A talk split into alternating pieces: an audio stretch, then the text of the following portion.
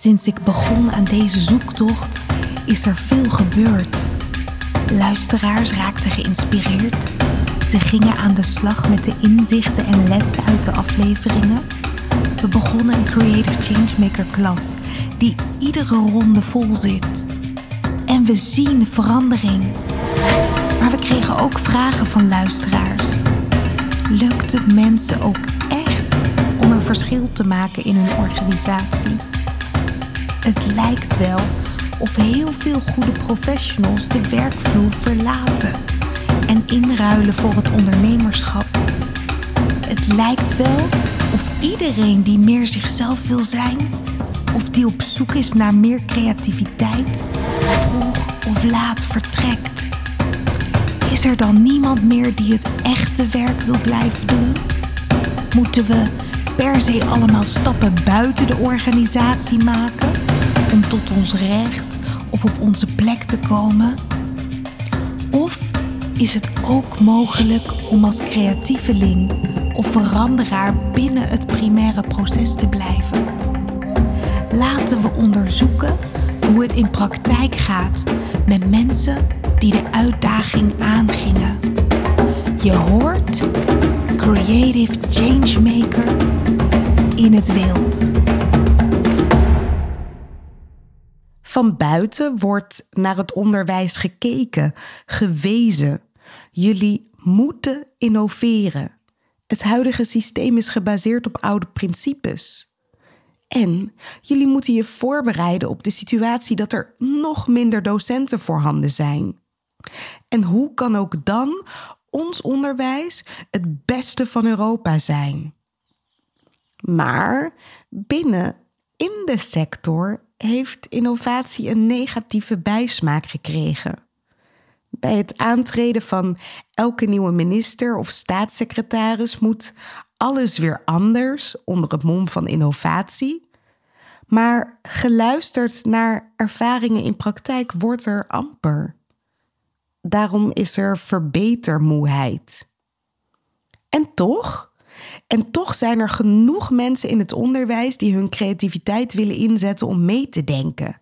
Mee te denken over innovaties in de klas, innovaties op schoolniveau, innovaties in de regio, innovaties op systeemniveau. De vraag is: worden zij gezien? Worden zij gehoord? Het is niet toevallig dat wij veel worden benaderd door onderwijsorganisaties. En dat in iedere Creative Changemaker klas wel iemand uit het onderwijs deelneemt. Er is nog zoveel te doen, maar hoe? Met die vraag nam ook Marloes Wondergem deel aan de Creative Changemaker klas. Ze werkt als leerkracht in het basisonderwijs en wil haar impact zo veel mogelijk vergroten tot ver buiten de klas. In dit gesprek hoor je hoe Marloes dit probeert te bereiken en waar ze tegenaan loopt. Chaos in de orde. De zoektocht. Nou, Marloes, welkom. Creative Changemaker in het wild ben jij. Ja. ja, dat schijnt, ja. Dat schijnt. Durf je jezelf ook al te zien als Creative Changemaker? Ja, ik denk het wel. Inmiddels wel. Ja, dat, uh, zo, zo durf ik mezelf ook wel voor te stellen aan mensen. Ik ben heel benieuwd uh, naar jouw reis. Of althans, ik ken een heel groot deel van jouw reis. Maar het lijkt me ontzettend leuk om het daar met je over te hebben, zodat luisteraars ook uh, daar iets van meekrijgen. En um, nou Marloes, jij werkt nu in het onderwijs. Maar jij ging vroeger natuurlijk ook zelf naar school. Wat, wat was jij voor meisje in de klas vroeger? Uh, heel serieus. Um, ik denk dat ik ook wel het beste beroep heb gekozen wat bij mij past. Ik hield heel erg van leren. Ik was zo'n leerling die op de middelbare school na vier weken al dacht: oké, wanneer krijg ik mijn nieuwe boeken? En als ik ze dan had opgehaald, ging ik ze ook allemaal bekijken. En was ik helemaal enthousiast, vooral voor vakken als geschiedenis. Um, om te kijken wat we dan allemaal gingen doen dat jaar. En daar werd ik dan helemaal gelukkig van. En ook op de basisschool, ja, ik vond altijd zo'n vakantie sowieso veel te lang. En ik, ik ging gewoon heel graag naar school. Ik vond leren heel erg leuk. En, en kun jij je herinneren wat je zo leuk vond aan dat leren? Was het omdat je van nature gewoon heel nieuwsgierig was, heel, heel hongerig naar kennis? Of was het de uitdaging?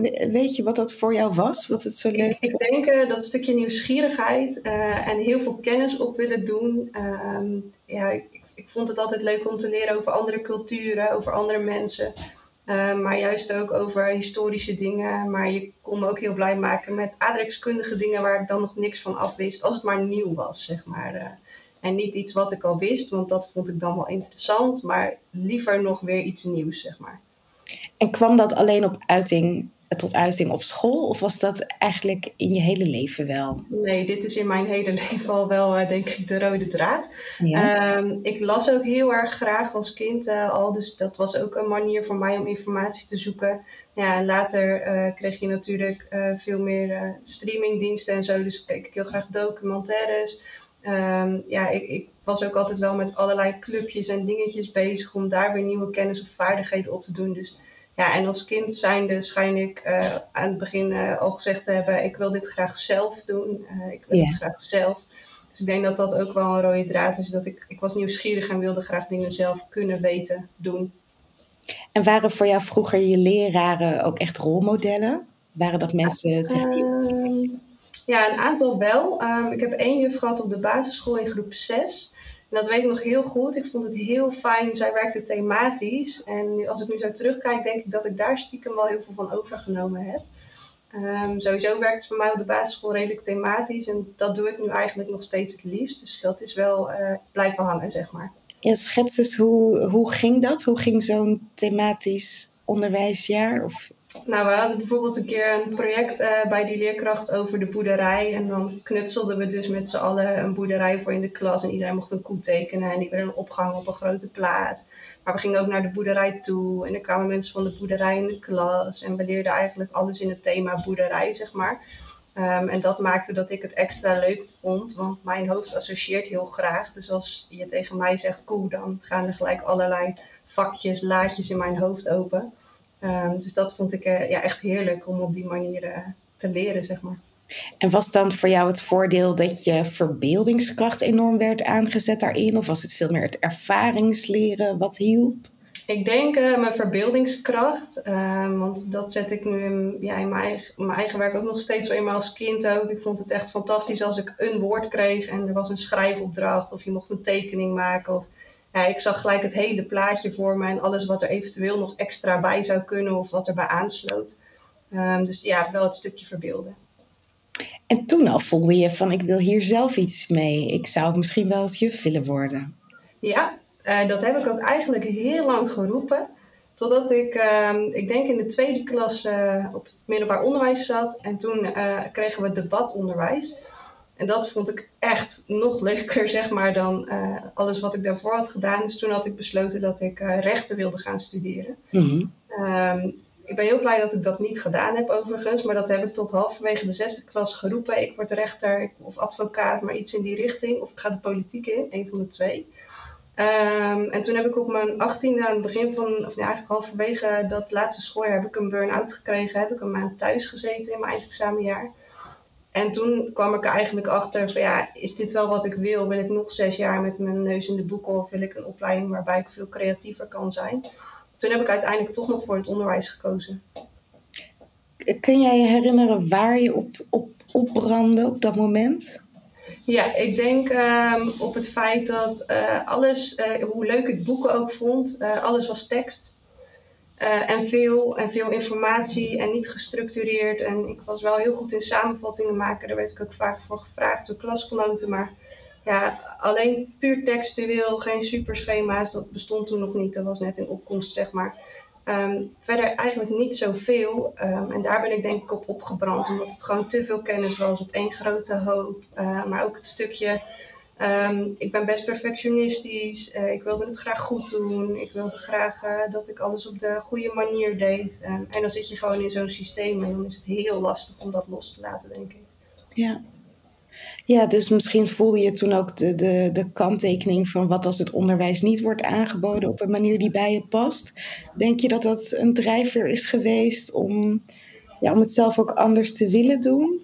Ja, denk het wel. Ehm, tijdens uh, mijn leraaropleiding heb ik ook echt bijzonder veel ehm, gelezen over allerlei voortrekkers in het onderwijs die het anders hebben gedaan. Zoals Maria Montessori, Helen Parkers van het Dalton Onderwijs.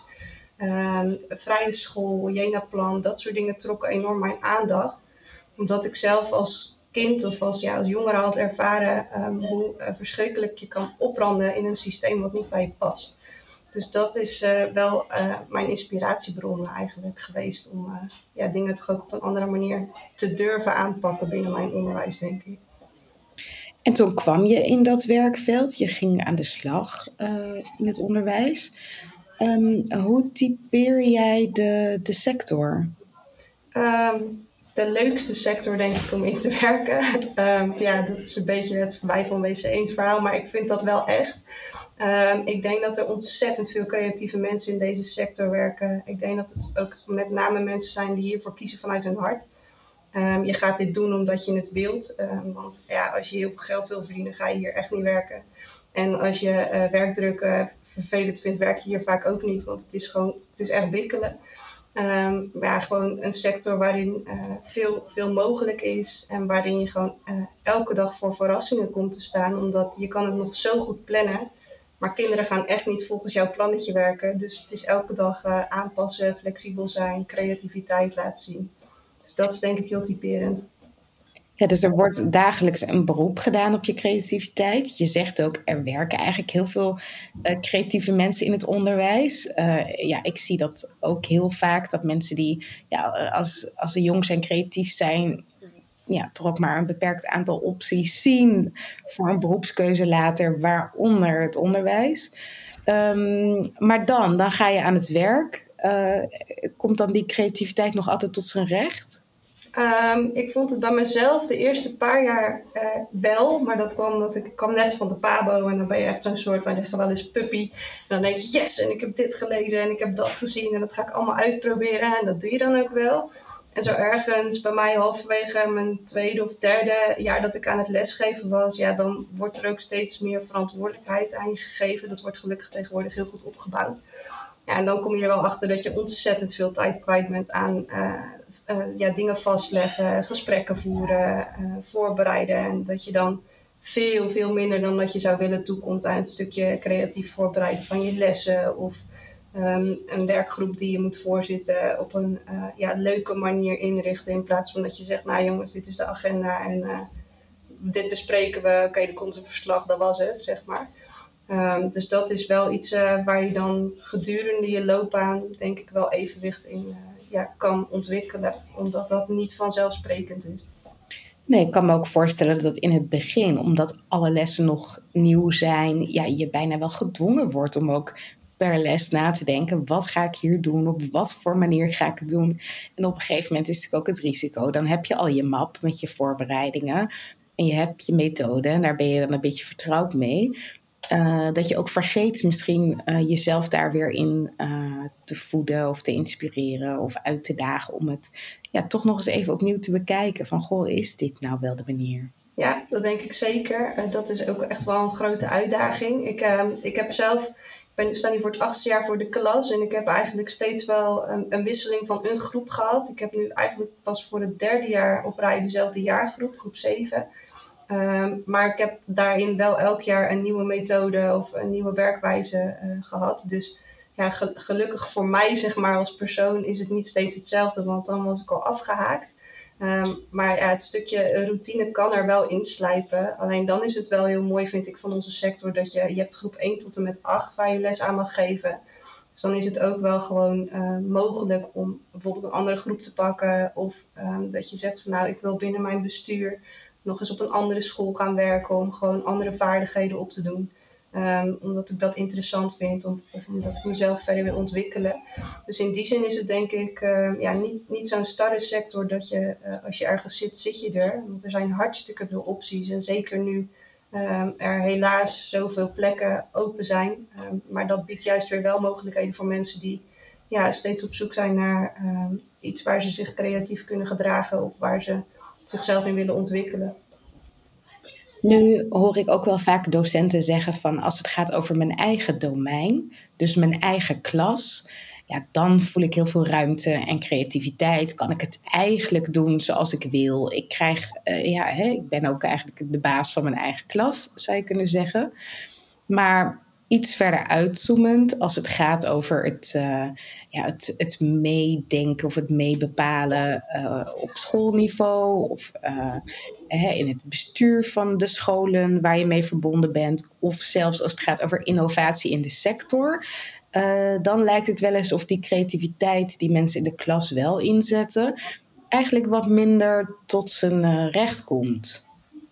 Ja, daar kan ik me heel goed iets bij voorstellen. Ik heb dat gelukkig zelf niet ervaren. Ik werk voor een bestuur waar uh, mensen juist heel veel vrijheid uh, krijgen als ze dat willen. Um, en waarin we heel veel in leergemeenschappen samenwerken, waardoor je dus met, met anderen juist bouwt aan uh, innovaties binnen het onderwijs wat we binnen het hele bestuur geven. Ik werk zelf op een Dalton school waarbij vrijheid een hele belangrijke pijler is. En juist binnen ons team is dat ook een pijler binnen vergaderingen, binnen werkgroepen. We zijn heel zelf, ja, we hebben, we hebben een directeur, maar we krijgen veel vrijheid om dingen zelf uh, te ontwikkelen of aan te dragen of uh, te bedenken. Um, dus dat, daar in die zin heb ik geluk. Maar ook wij en ook ik lopen tegen het, het systeem aan uh, waarin de overheid toch dingen bepaalt, zeg maar, bepaalde richtlijnen. En dat is denk ik goed dat die er zijn. Um, maar die zijn soms ook heel star. En dan is het wel echt een kunst om daarin de flexibiliteit te zoeken van oké, dit, is, dit is de lijn. En hoe ver kunnen we daarvan afwijken zonder dat uh, daar enorme uh, ravages uit ontstaan of zonder dat we slecht onderwijs staan te geven. Ja, want jullie vormen eigenlijk met je school een, um, ja, een systeem binnen het systeem, zou je kunnen zeggen. Um, nu hebben jullie inderdaad als Dalton onderwijs toch ook alweer een wat afwijkende uh, filosofie misschien? Of creëer je daarmee ook ruimte, omdat je expliciet, ja, je bestaansrecht wordt ook ontleend aan die waarden als vrijheid en ruimte voor leerlingen, maar dan ook de docenten. Um, en dan is er inderdaad ook nog een groter systeem waar jullie uh, deel van uitmaken.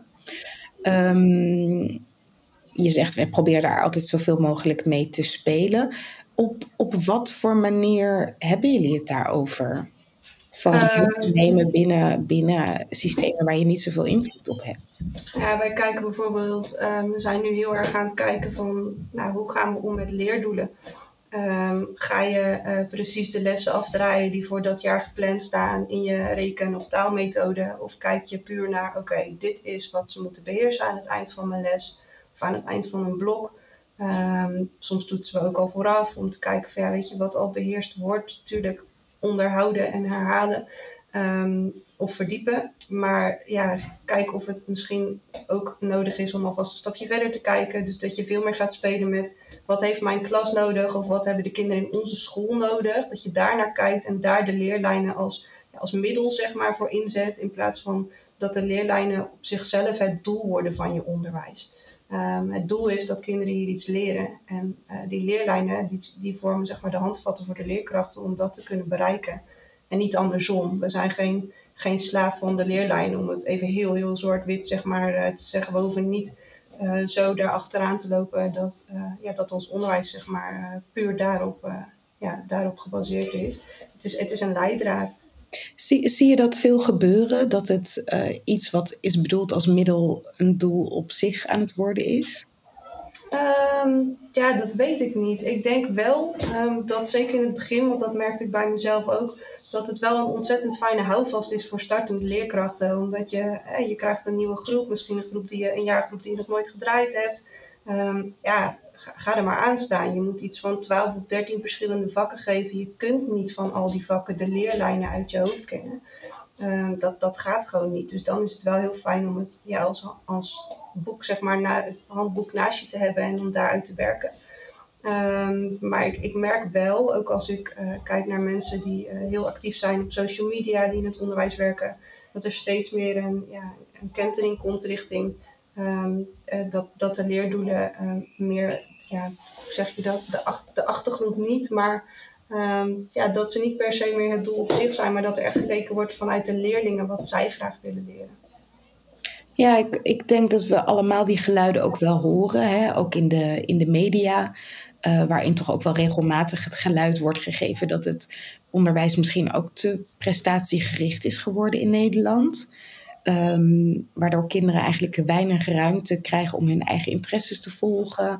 Uh, dat ook niet ieder kind even goed presteert in, in die omgevingen, waarin uh, ja, dan toch wel wordt gestuurd op bepaalde resultaten of cijfers, of ja, een, een, ook wel wat giftig vergelijk kan ontstaan, in plaats van te kijken naar de unieke kanten van elk kind. Um, ja, daar is toch ook altijd wel de roep om innovatie in het onderwijs in Nederland. Um, maar het is natuurlijk best wel lastig om die innovatie te bereiken als je nog midden in dat systeem zit. Ja, dat is het ook. Um, en toch grijp ik dan altijd terug op al die mensen waar ik die boeken van gelezen heb toen ik op de Pabo zat. Waarvan ik dacht, ja, zo'n Helen Parkers, die is ook gewoon begonnen in een schuurtje ergens in een dorpje. En die is vakateliers gaan opzetten waar mensen nog nooit van gehoord hadden in dat tijdperk. Iedereen dacht echt, die, die is echt knettergek, wat is die aan het doen? Um, en ik, dat, dat vind ik wel heel leuk. Ik, ik hoop ook dat uh, mensen die in het onderwijs werken en die een goed idee hebben en die zien dat het aanslaat bij de kinderen, omdat de kinderen er gelukkig van worden, dat ze die ideeën ook door durven zetten en daar ook uh, ja, platform aan durven geven. Zeker met social media is dat nu echt wel laagdrempelig geworden om dat te delen met anderen. En dat zie je nu best wel veel, vind ik. Er zijn echt onwijs veel van die accounts op Instagram bijvoorbeeld, uh, van juffen en meesters die, uh, ja, die allerlei inspirerende dingen laten zien en wat wel heel aanstekelijk werkt. Want ik denk als je een gemiddelde klas binnenloopt op dit moment, dan zul je zien dat daar materialen liggen van leerkrachten die ze niet zelf gemaakt hebben, maar die ze wel uh, ergens gevonden hebben omdat iemand zijn inspira inspiratie gedeeld heeft, zeg maar. Uh, ook over uh, hoe je bijvoorbeeld niet in je klaslokaal les kan geven, maar hoe je heel fijn buiten met de kinderen ook dingen kunt doen. Of dus juist ook die andere omgeving opzoeken. Dus ja, ik hoop heel erg dat dat vuurtje aanblijft en steeds groter wordt en een soort sneeuwbaleffect gaat veroorzaken, waardoor we met z'n allen een mooier systeem kunnen neerzetten. Ja, want eh, in, in eerste instantie wordt voor innovatie vaak gekeken naar de overheid. Hè? Van de behoefte aan nieuwe wetgeving of nieuwe kaders of nieuwe richtlijnen. Um, soms wordt ook binnen een organisatie gekeken naar een heel specifiek innovatie uh, groepje. Terwijl ik geloof zelf ook heel erg in de democratisering van innovatie. Ik denk dat niemand daarvan kan zijn exclusief, maar dat we dat juist met elkaar moeten doen. En hoe meer bottom-up die beweging plaatsvindt, door gewoon goed te, ja, je eigen ideeën te ventileren, maar ook naar elkaar te luisteren, op basis van de ervaring die er is in praktijk kun je, denk ik, veel sneller ook innoveren. En volgens mij het voorbeeld wat jij noemt, dat is per definitie democratisering van innovatie. Want uh, hier is geen overheid mee gemoeid. Geen schooldirecteur heeft daar heel direct uh, invloed op, misschien zelfs wel zicht op. Dus leraren onderling, die op basis van hun eigen expertise, ervaring, um, ja, ontwikkelingen in gang zetten, die anderen ook weer overnemen. Ja, dat is volgens mij een hele krachtige beweging. Ja, dat denk ik ook. En ook omdat het dan dingen zijn die in de praktijk um, gewoon uitgetest zijn. Um, niet eens wetenschappelijk bewezen. Of, um, ik denk dat dat ook niet per se altijd hoeft. Het is wel goed, vind ik. En ik ben daar zelf ook wel van theorie in je achterhoofd te houden. Dat je wel weet waarom je dingen op die manier wilt gaan doen. Uh, maar dat als je ze uitprobeert, dat je dat ook wel los durft te laten en gewoon gaat. En dan zie je vanzelf wel trial and error. Uh, wat werkt wel, wat werkt niet. En kinderen vinden het echt fantastisch hoor, om iets uit te proberen wat jij bedacht hebt. En zeker als je het er dan ook nog bij vertelt van nou, we gaan iets nieuws doen. En uh, dat eigenlijk ook nog nooit gedaan, maar lijkt me echt superleuk om met jullie te doen. Ja, dan, dan heb je ze, dan zijn ze aan, dan willen ze ook graag meedoen. En ik denk dat dat juist is waar onderwijs om draait. Dat die kinderen nieuwsgierig worden, dat ze enthousiast zijn. Um, en als je dan die good practices ook met elkaar deelt, in bijvoorbeeld leergemeenschappen binnen je bestuur of intervisiegroepen, um, of juist via social media, ja, dan, dan krijg je inderdaad gewoon de kentering dat het onderwijs gemaakt wordt op de werkvloer en dat het ondersteund wordt uh, door het beleid zeg maar, wat erachter ligt. Want dat, dat is wel belangrijk. Ja, mooi. En ik denk ook, evidence-based is natuurlijk krachtig. Want als er hè, eh, bewezen effecten zijn van bepaalde methoden, uh, ja, zou je gek zijn om die te laten liggen. Maar ik denk dat dat practice-based ontwikkelen, dat dat nog best wel vaak onderschat wordt. Terwijl ervaring uh, ja, is natuurlijk een enorme bron van kennis. Hoe, op wat voor manieren deel jij zelf bijvoorbeeld je, je, je ervaringskennis? Ik zit um, al sinds het begin van mijn uh, carrière, zit ik nu hier zo um, in een uh, leergemeenschap uh, binnen mijn bestuur.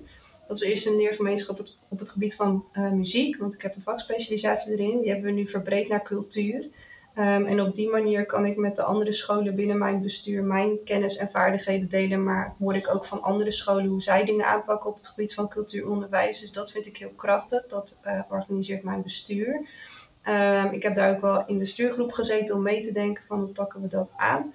Um, verder ben ik sinds een tijdje begonnen om dingen via LinkedIn te delen. ik heb heel bewust gekozen voor LinkedIn en niet voor Instagram, omdat ik geen uh, lesmateriaal wil delen. Daar zijn al super veel fijne accounts van waar ik elke dag heel dankbaar gebruik van maak. Uh, ik hoop dat die mensen dat ook nog heel lang blijven doen. Ehm, maar ik vind het veel leuker om um, een stuk ja, op een ander niveau te kijken, meer het onderwijskundige niveau van welke dingen bied je aan in je onderwijs en waarom doe je dat dan? En um, hoe kun je een bepaalde werkvorm ombouwen? dat soort dingen. En dan de mensen die dat interessant vinden vrij te laten van nou en maak er dan ook echt je eigen werkvorm van. Dus ik deel geen formats, ik deel dingen die ik interessant vind of die ik zelf heb uitgetest. Um, maar dan meer op het, op het ja, hoe zeg je dat, het, het, schematische niveau, wat mensen dan volledig naar eigen invulling kunnen vullen voor hun, voor hun klas of hun praktijksituatie. Ja, dus je vindt het ook belangrijk of leuk als andere mensen daar zelf weer mee gaan spelen. Ja, want ik merk zelf dat ik um, soms heel blij word van volledig ingevulde werkvormen, zoals een spel met metric stelsel te oefenen. Heel fijn dat het er is, want dan hoef ik het alleen maar uit te printen en gaan. Um, maar de dingen die ik leuk vind, um, dat zijn vaak om te delen. Dat zijn wel uh, dingen dat ik denk, ja, die heb ik nu in mijn klas op deze manier uitgetest. Maar daar komen die vakjes weer in mijn hoofd. Oh, ik zou er ook nog dit mee kunnen of dat mee kunnen. Dan, dan hoop ik dat mensen dat gaan uitproberen en het ook aan mij teruggeven. Uh, zodat het een uh, ja, soort wisselwerking wordt, zeg maar. Ik vind het ook wel mooi uh, dat je in feite aangeeft, ja, je moet ook soms je eigen ideeën een beetje durven loslaten, zodat ze vervolgens ook weer kunnen, kunnen groeien. Ja, dat vind ik ook heel leuk, want um, dan, ja, ik, ik heb nu recent even geen voorbeeld dat mensen terugkwamen met een idee, maar dan krijg ik daar zelf ook weer een idee van. Dat zij dan zeggen van nou, ik heb het uh, daarvoor ingezet en dat vond mijn team, uh, ik heb met mijn team gedaan in plaats van met de klas, vonden ze superleuk. En dan denk ik, oh ja, dan kan ik in mijn eigen klas kan ik het weer eens inzetten op, op die manier. En ja, dus zo krijg je steeds een wisselwerking, waardoor je heel veel variatie kan aanbrengen. En dat is denk ik ook duurzaam, want dan is het niet iets eenmaligs, um, een trucje eigenlijk wat je gaat staan uitvoeren, maar uh, ja, kun je het opbouwend blijven inzetten. Ik denk dat we daar sowieso van, van mogen leren hoor, in, in allerlei organisaties. Dat als je zelf een idee hebt en je, je voelt je wel eens gefrustreerd omdat je merkt, ja, nu gaat een ander ermee aan de haal en die gaat het uitvoeren net niet zoals ik het had bedoeld. En nu vind ik het eigenlijk niet zo fijn dat het dan nu niet meer mijn idee is. Um, vraag jezelf toch eens af waar die, waar die kramp in jezelf over gaat. Want um, natuurlijk is het fijn om erkenning te krijgen voor inspiratie die je brengt of ideeën die je geeft. Maar als je het nou eens echt durft los te laten en gewoon eens gaat toekijken van waar wil zo'n idee heen groeien? Wat doen andere mensen ermee? Dan kan het inderdaad zomaar zo zijn dat je misschien zelf nog blinde vlekken had ten aanzien van je idee en een ander daar uh, ja, hele mooie alternatieven voor bedenkt. Dus ik denk ook daarin dat dat democratiseren van innovatie. Um, ja, het vraagt natuurlijk wel dan iets van ons om een beetje los te laten. Misschien soms over ons eigen ego heen te stappen. Maar dat dat een, um, ja, eigenlijk een manier is van innovatie die, die heel leuk is. En heel, heel makkelijk ook uh, om toe te laten. Ja, dat denk ik ook. Ja, ik hoop gewoon dat heel veel mensen dat, dat gaan doen. Want als je een vast, inderdaad zo'n vast idee hebt, dan, dan is het al niet meer leuk. Want dan moet het via regeltjes en er zijn uh, bepaalde afspraken. kan nuttig zijn hoor, maar het is juist ook heel leuk als, ja, ik denk ook wel dat dat komt dat ik het zo doe, omdat ik, als ik een les voorbereid, dan kan ik die nog zo tot in de puntjes voorbereiden. En ik weet nog zo goed dat ik mijn eerste lesvoorbereiding schreef en dat ik dacht, nou, dan gaan al die kinderen gaan precies doen wat ik zeg. Ik wist al wel een beetje van niet, want ik gaf al een aantal jaar dansles, maar um, ja, dat gaat gewoon niet ze gaan andere dingen doen en er zitten kinderen tussen die zelf iets gaan bedenken. En ja, als je dat leert loslaten, dan, dan boor je de creativiteit juist bij anderen aan. En ja, dat vind ik zo leuk aan mijn werk. En dat is iets wat denk ik ehm, in het professionele werkveld, zeg maar, en in het bedrijfsleven um, nog veel meer toegepast zou kunnen worden. Dus wat wij met kinderen in de klas al heel erg doen, van nou, als je een goed idee hebt, kom gewoon. En dan uh, kijken we gewoon of het past binnen het doel, het gestelde kader. Um, want, want we laten het steeds meer los. Um, ja, omdat gewoon ook als je met, met volwassenen onder elkaar, met professionals onder elkaar werkt, om dat ook gewoon eens te proberen. Want er wordt niemand boos en er krijgt niemand een slecht cijfer of straf of weet ik veel. Er komen juist alleen maar hele leuke dingen uit. Het is ook eigenlijk wel een mooie metafoor, ja. Dat als je als organisatie of als top van een organisatie uh, beleid maakt of een meerjarenstrategie, uh, dat je er eigenlijk al uh, bij voorbaat rekening mee moet houden dat niet iedere afdeling en niet alle mensen in de organisatie dat meteen gaan omarmen en zich meteen daarna gaan toe, toe uh, naar gaan voegen en het meteen gaan toepassen zoals je had bedoeld. Um, maar dat iedereen daar natuurlijk op zijn eigen manier mee wil omgaan. Want, want dat is precies wat in praktijk gebeurt. En dan benadrukken we vaak de weerstand. Terwijl als je inderdaad vrijheid zou meegeven, uh, en misschien zelfs wel de uitdaging van wat nou als jullie in staat zijn om de ideeën die we hebben bedacht in uh, die meerjarenstrategie, om die nog beter te maken. Verras ons maar, kom maar op met je ideeën. Hoe kunnen jullie hiermee verder? Dan, um, ja, dan wordt eigenlijk dat, dat lerende vermogen van de organisatie wordt aangeboord. Die nieuwsgierigheid, het enthousiasme. Um, maar je sluit ook aan bij iets wat mensen van nature toch al doen. Ja, dat denk ik ook. En vooral ook het stukje eigenaarschap. Dat is iets uh, wat, je, wat wij in het onderwijs echt heel goed meekrijgen vanuit de opleidingen.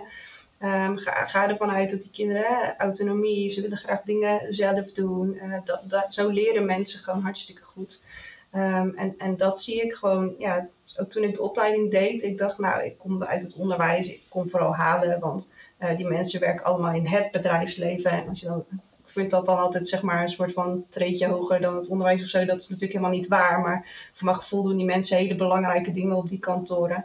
Maar het grappige was dat ik uh, dus zag dat um, zij juist heel erg op zoek waren naar de dingen die wij in het onderwijs doen. Uh, werkvormen, spelvormen, um, hoe leren mensen eigenlijk, wat doen ze van nature.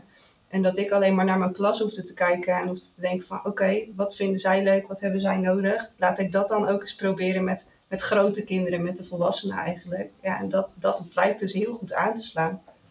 Ja, dit is wel grappig. Hè? Je hebt het nu over de Creative Changemaker klas en de ontmoetingen die je daar had met anderen, waarvan inderdaad heel veel mensen in een kantooromgeving werken, of misschien in een overheidsorganisatie, uh, meer aan de beleidskant uh, ook vaak uh, zitten. Um, jij zei eigenlijk van nou, ik, ik heb een perfect beroep gekozen. Ik kan heel veel creativiteit kwijt. Ik krijg heel veel ruimte. Ik mag meedenken in leeromgevingen. Wat maakte toch dat je besloot, ik wil in zo'n Creative Changemaker klas? Um, ik, ik had eigenlijk al best wel, ik doe elk jaar wel een opleiding. Ik vind het heel leuk om te leren. Um, en ik had best wel wat opleidingen gedaan binnen het onderwijskader die ik heel leuk vond. Um, toen heb ik teken je les gedaan. En toen dacht ik, nou, ik ga nog eens, dat vond ik heel leuk. En toen dacht ik, ga eens kijken of, of jullie nog meer aanbieden. En toen, uh, ja, toen zag ik dat, dat deze opleiding er was. En toen dacht ik, ja, dit is eigenlijk wat ik al die tijd wel een beetje al gezocht heb. Ik wil eigenlijk wel heel graag leren hoe ik met uh, groepen collega's omga. Hoe ik op een creatieve manier met beleid en dat soort dingen om kan gaan. Omdat ik dat ook heel leuk vind om te doen in mijn werk.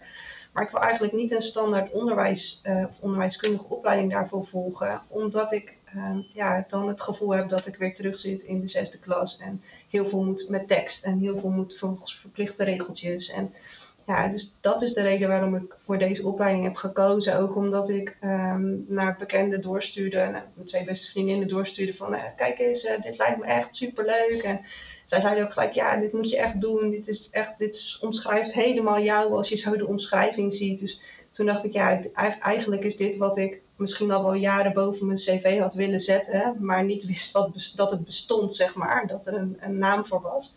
Um, dus dat is de reden waarom ik de stap heb gemaakt, zeg maar.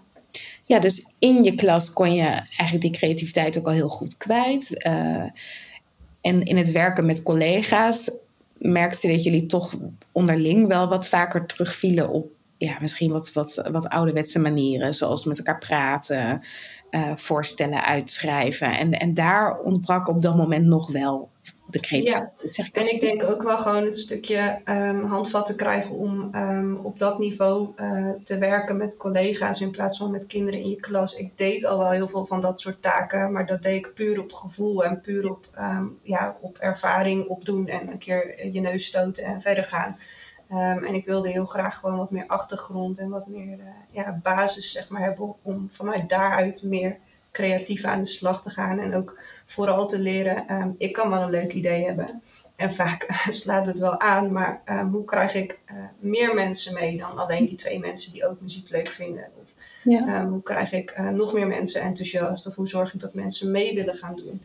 Ja. En dat is denk ik wel voor mij de meerwaarde geweest. Ja, want de Creative Changemaker klas gaat natuurlijk ook nadrukkelijk over hè, hoe word jij zelf een levend rolmodel voor de veranderingen die je wil zien in je organisatiecultuur. Maar ook hoe neem je dan anderen op een laagdrempelige manier mee? En hoe heb je ook respect voor allerlei verschillende soorten mensen die je onderweg tegenkomt? En wat moet je doen om te zorgen dat die ook meegaan? Ehm, en toen gebeurde er dus iets grappigs in de klas. Want je zegt eigenlijk door het in gesprek zijn met anderen die uh, misschien wel in wat formelere organisaties werken of uh, hiërarchischer of ja, uh, toch iets meer, ja, ik noem het maar even de jargonorganisaties. Um, zag je ineens van, goh, eigenlijk weet ik al best wel veel over hoe krijg je mensen in beweging. Want ik heb de hele dag mensen in mijn klas die ik in beweging moet krijgen. Was dat ook echt zo'n moment dat er gewoon een soort kwartje viel van, hé, hey, maar, maar dit is grappig. Eigenlijk kan ik heel goed aansluiten op verschillende soorten. Ja, ik, heb, ik heb dat momentje echt gehad. Want de eerste twee keer dacht ik echt, nou één, ik kom uit Zeeland. Uh, die mensen werken allemaal in de grote Randstad. Dus dat, dat was al een dingetje. Ik was ook nog de jongste van mijn klas. Dus toen dacht ik, maar die mensen hebben al jaren ervaring. En en toen kwam er een moment, dat weet ik nog heel goed, dat een van, onze eh, een van mijn medecursussen zij zei, ja, dan, ik heb nog echt iets heel leuks uh, voor tussendoor. En uh, dat is een energizer. En als we dat doen tijdens een vergadering. En ik, en ik zat echt te kijken en ik dacht, ja, maar dit doen wij elke dag. Elke drie kwartier komt er zo'n energizer. En toen dacht ik, oké, dan geloof ik dat ik nu wel op mezelf durf te vertrouwen om ook aanvullingen te gaan doen op wat we aan het doen zijn. Um, en toen ging het juist heel erg veel, ja, de, termen zijn wat anders in het bedrijfsleven, maar over coöperatief werken, over energizers inzetten, spelvormen, um, ja, creatieve werkvormen bedenken. Ja, die doen wij eigenlijk al heel de dag, omdat we op die manier met de kinderen leren. Um, maar daar blijkt dus heel erg veel behoefte in te zijn, in juist dat werkveld. En dat, dat vond ik echt een heel leuk moment, dat ik dacht, oh, maar dat is tof, want nu kan ik dus ook echt iets bij gaan dragen, zeg maar, aan de rest van de klas. Absoluut. Dus jij hebt ook heel veel bijgedragen in de groep. Hè, als het gaat over het inzetten, met name ook van speelsheid, nieuwsgierigheid opwekken. Maar ik denk dat je nog wel iets anders in het onderwijs heel nadrukkelijk elke dag leert. En dat is uh, omgaan met weerstand. Want ja. dat er elke les wel een leerling tussen zit die om wat voor reden dan ook, hè, omdat hij misschien lastig vindt of moe is of ja, wat voor reden dan ook weerstand ervaart. Uh, dat is natuurlijk ook iets waar je eigenlijk dagelijks mee bezig bent. Klopt, ja. En, en waar je eigenlijk dus dagelijks ook gaat proberen, oké, hoe krijg ik deze leerling of dit groepje leerlingen wel mee? Um, ja, en dat is in een organisatie eigenlijk één op één. Um, ik heb zelf ook wel eens bij scholingen of bij bijeenkomsten gezeten dat ik ook voelde van ja, ik weet niet wat we hier zitten te doen, maar ik vind dit echt niet leuk of ik kan dit al. Of Um, het sluit niet aan bij wat ik zou willen of wat ik nodig heb. Um, ja, en dat, dat zie je bij leerlingen, maar dus ook bij collega's. Um, ja. kan wel, je kan, er kan wel een plan liggen dat er overal uh, muziekonderwijs moet komen, maar mensen moeten wel het belang daarvan inzien. Of moeten snappen hoe ze het heel makkelijk zelf in de praktijk kunnen gaan toepassen. Dat is hetzelfde als dat je bij je rekenleskinderen met weerstand hebt zitten die of de voorkennis niet hebben en daardoor de aansluiting missen, of de vaardigheid nog niet goed beheersen en vastlopen en daardoor afhaken. Ja, dat gebeurt natuurlijk ook als je zo'n verandertraject ingaat, bijvoorbeeld in je organisatie.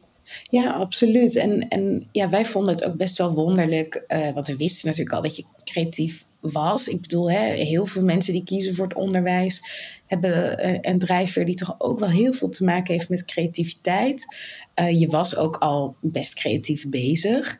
Uh, en toen viel dat kwartje van, goh, maar eigenlijk de beweging die ik breng bij leerlingen, uh, hoe ik die in beweging breng met mijn energie, hoe ik die prikkel met werkvormen en nieuwsgierigheid. Dat is misschien ook wel de manier waarop ik met mijn collega's kan omgaan.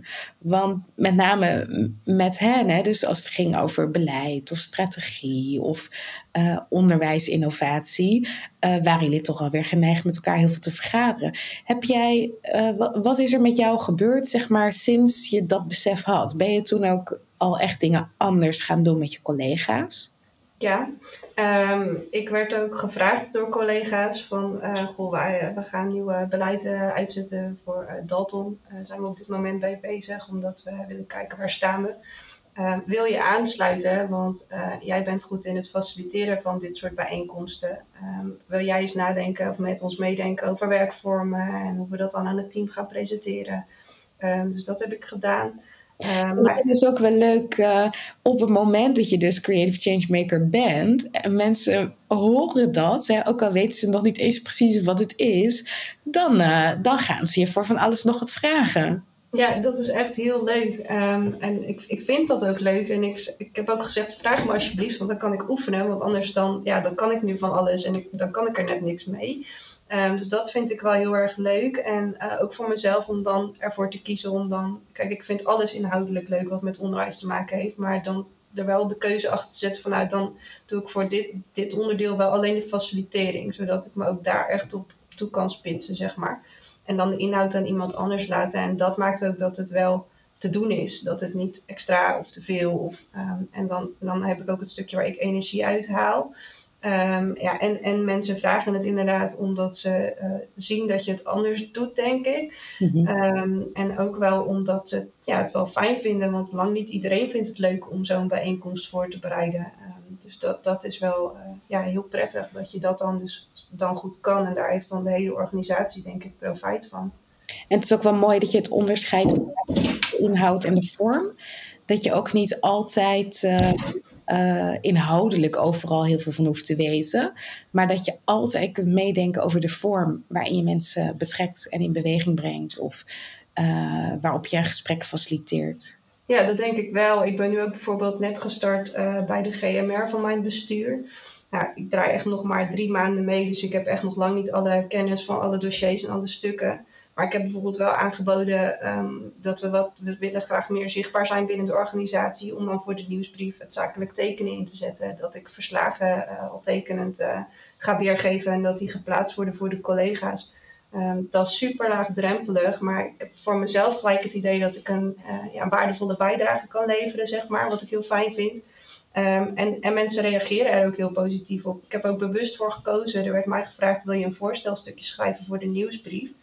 En toen zei ik, ja, oké, dat is goed. Maar er wordt geen stukje. Ik ga niet schrijven. Ik ga geen Word-document inleveren. Um, vond ik heel spannend, maar ik heb het wel gedaan. En daar heb ik zulke leuke reacties op gekregen. Mailtjes van uh, collega's die ik al een aantal jaar misschien niet eens meer heel veel gesproken had. Maar die stuurden van, wauw, wat een superleuke voorsteltekening had je gemaakt.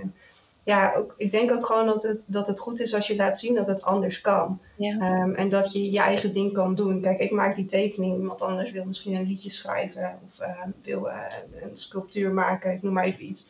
Um, maar dat als, als een aantal mensen laat zien dat het er mag zijn, dan durven misschien meer mensen die stap te nemen. Ja, absoluut. Ruimte nemen is ook ruimte creëren hè? voor een ander. Ja. Hey, zijn er nog dingen waar je, waar je nog steeds zoekende in bent? Of waarvan je merkt van ja, daar uh, ja, laat ik toch nog dingen liggen? Of wil ik nog in groeien? Ehm, ja, ik denk wel dat stukje faciliteren van bijeenkomsten, want ik ben dat nu aan het, aan het uitproberen, zeg maar. Maar dat, dat, dat kost gewoon tijd, want je probeert iets uit en dan denk je, oh, dat zou ik de volgende keer anders doen. Maar er is niet meteen daarna een, bijeenkomst waarbij dat gelijk uh, past. En ik denk ook wel dat ik nog meer met beeld en nog meer al tekenend dingen wil, uh, ja, wil vastleggen. Um, ik merk dat ik dan nu toch bij sommige dingen terugverval in tekst, terwijl eigenlijk mijn hoofd al zegt, oh, maak je een tekening van. Dat is veel sneller of veel overzichtelijker of veel makkelijker. Um, en ik denk ook wel dat ik wat ik nu op LinkedIn aan het doen was, zeg maar om, om andere mensen gewoon en ook gewoon om eens te kijken van zijn er meer mensen die gelijkgestemd zijn die dit soort dingen doen.